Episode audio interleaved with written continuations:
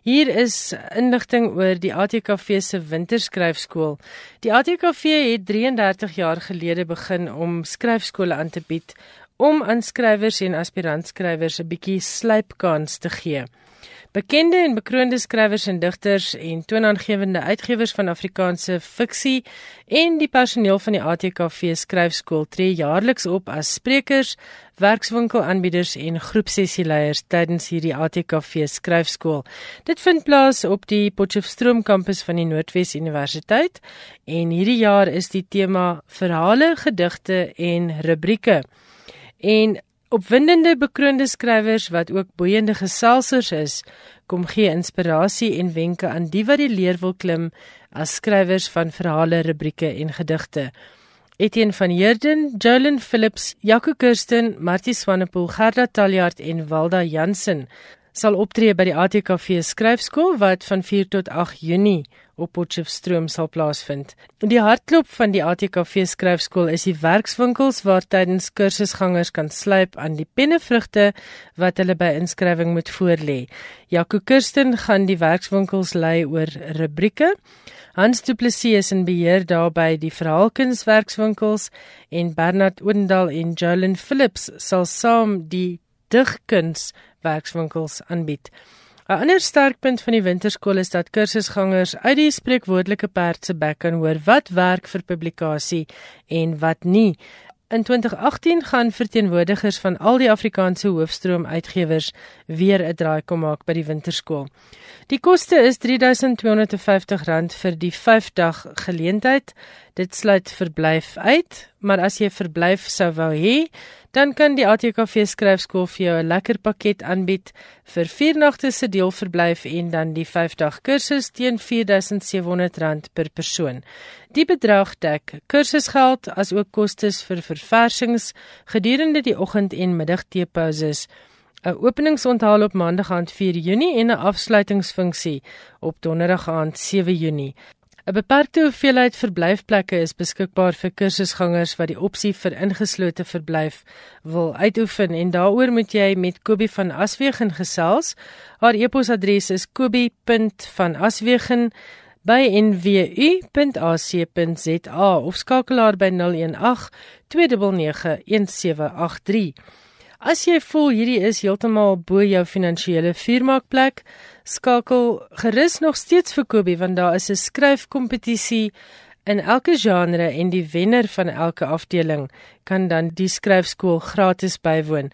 Jy sal steeds vir jou eie verblyf moet betaal en jy sal uiteraard jou eie reiskoste tot in Potchefstroom moet betaal, maar dis 'n wonderlike kans om 'n skryfskool gratis te kan bywoon. Daar is 'n kompetisie in elkeen van die drie afdelings rubrieke, verhaalkuns en digkuns en die gelukkige wenners kan dan die ATKV skryfskool heeltemal gratis bywoon. Daaroor moet jy gesels met Kobie van Aswegen. Sy gaan vir jou al die besonderhede daaroor gee.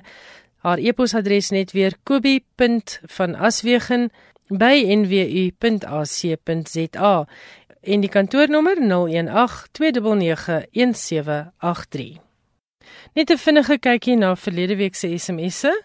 Christo van Pretoria het laat weet dit is heerlik wanneer julle gaste so mooi Afrikaans praat. Baie dankie vir jou SMS, Christo. Dan is daar 'n anonieme SMS wat sê na aanleiding van die gesprek oor wetenskap fiksie.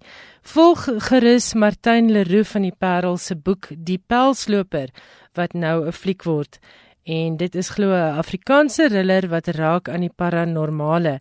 As jy geïnteresseerd is, gaan kyk by Paragon Cinematic. Die webwerf is www.pccsm.co.za www.pccsm.co.za en ek is seker daarvan as jy net Paragon Cinematic onthou, gaan jy ook uitkom op hierdie webwerf waar jy meer kan lees oor Martin Leroux se boek Die Pelsloper wat nou in 'n film omskep word. Annie het laat weet skrywers en boeke show ek hang aan jou lippe 'n fantastiese program. Dankie, dankie.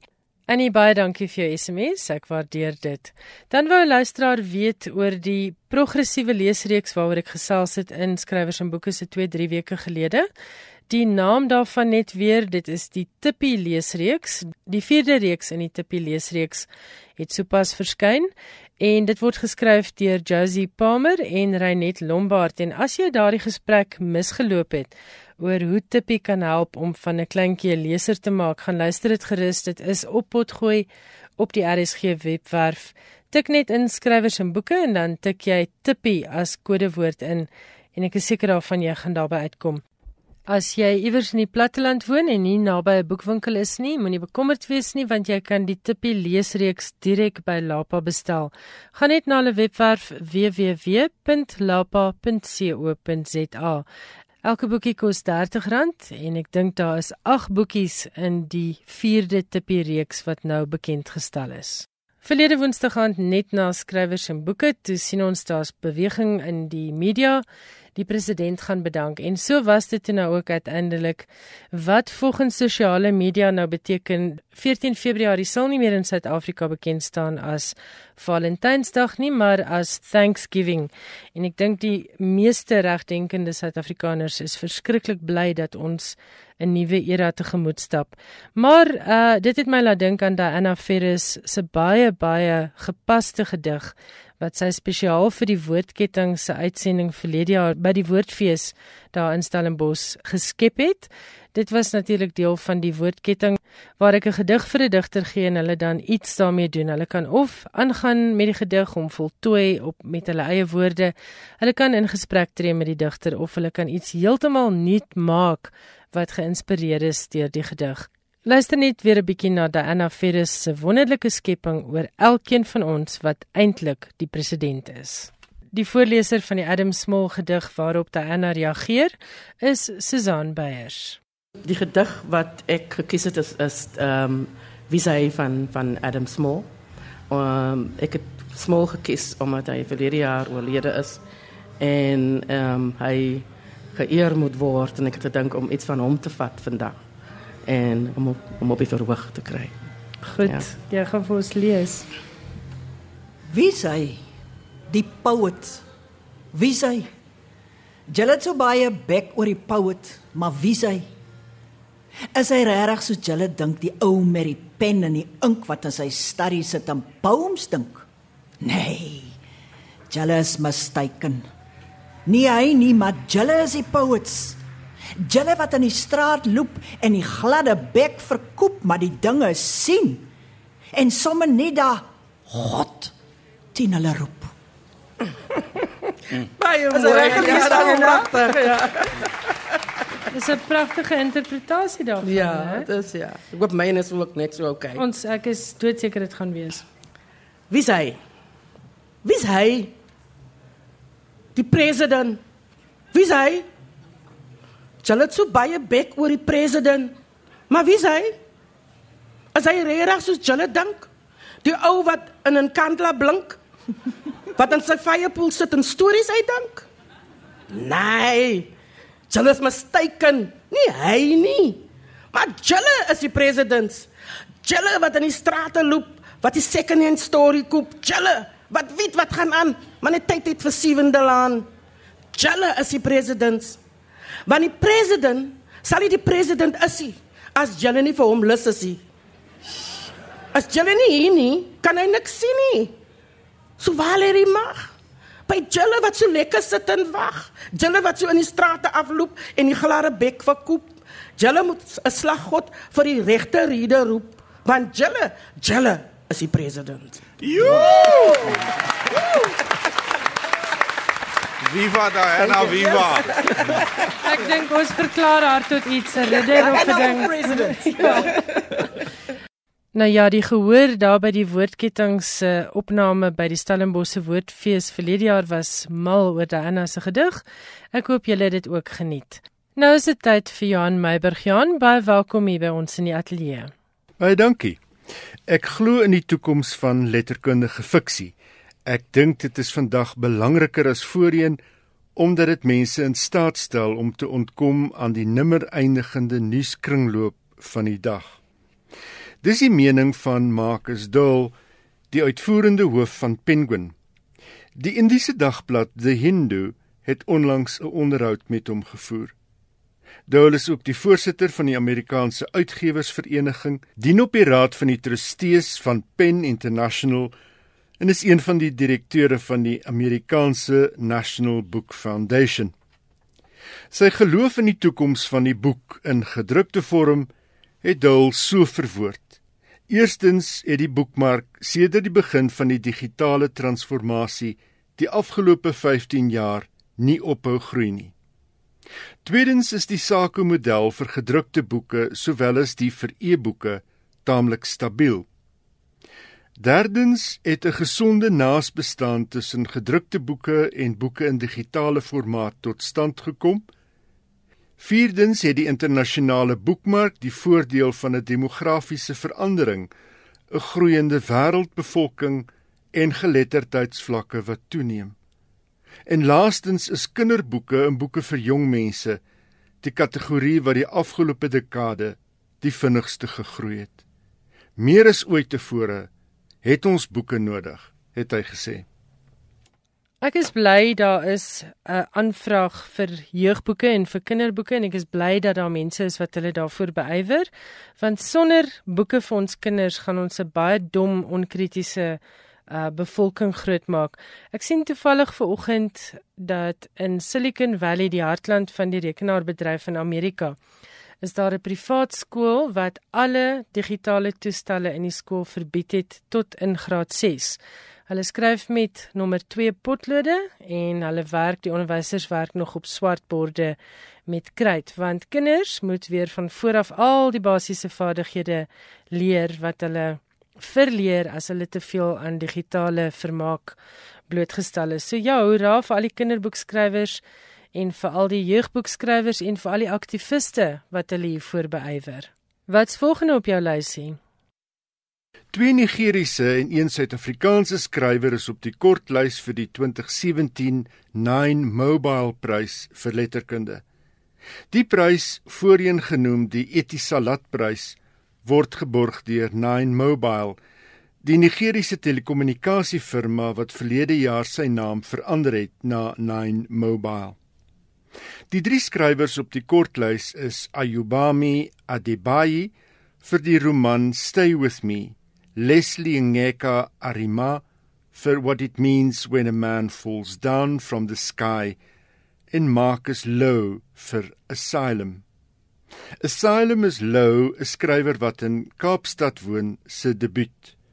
Hy het 'n meestersgraad in kreatiewe skryfwerk aan die Universiteit van Kaapstad behaal en is tans besig met doktorale studie in epidemiologie. Hy is mede-redakteur van die openbare gesondheidstydskrif Spotlight.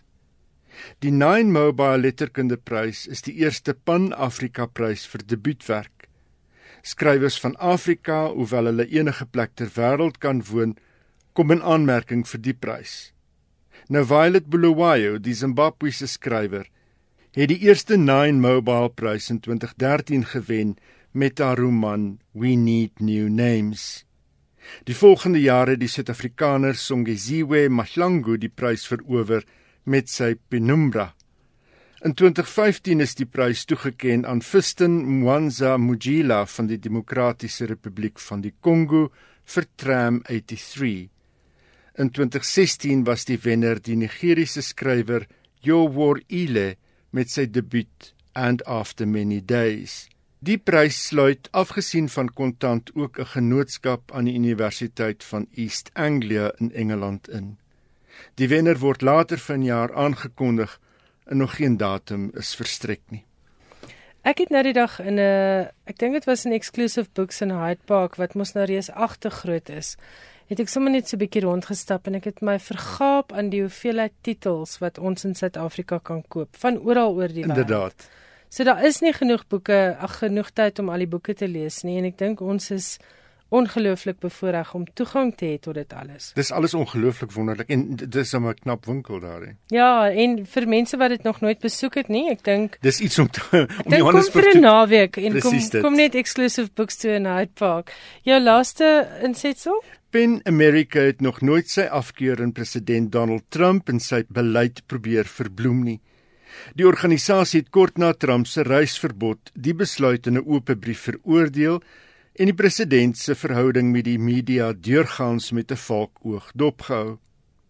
Nou bring Pen America in April 165 skrywers en kunstenaars van 50 lande byeen vir sy World Voices letterkunde fees wat vanjaar gaan fokus op die FSA.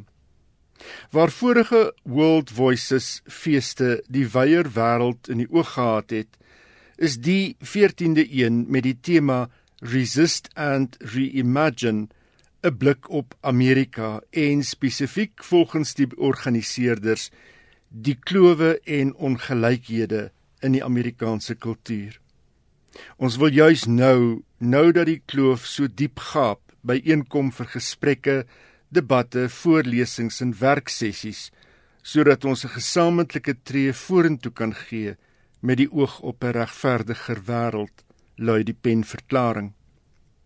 Skrywers wat die fees gaan bywoon is onder andere Colson Whitehead, Jhumpa Lahiri en Salman Rushdie. Van die onderwerpe wat aangesny word, sluit in immigrasie en die vlugteling kwessie, wat dit beteken om 'n Indies-Amerikaanse moslem te wees in die Trump-era. En dan is daar ook 'n bespreking oor die lewe en presidentskap van Ulysses S. Grant, die man wat die 18de president van die FSA was. Grant, 'n biografie van die staatsman deur Chris Hayes, het verlede jaar verskyn. Daar's ook 'n voorlesing van gedigte onder die titel Us Too na aanleiding van die hitsmerk Me Too beweging. Ek dink ons moet ook hier in ons eiland erkenning gee aan die belangrike rol van joernaliste en skrywers wat die korrupsie die laaste 2-3 jaar oopgeskryf so. het en sonder wie ons nie nou 'n nuwe president sou gehad het nie, né? Elke bydrae maak 'n verskil. En dis letterlik 'n geval van elke gedig tot by 'n boek soos The Gupta Republic deur Pieter Louw Meyerberg. Inderdaad. Johan, altyd lekker om jou hier te hê. Ons gesels volgende week weer. Baie dankie.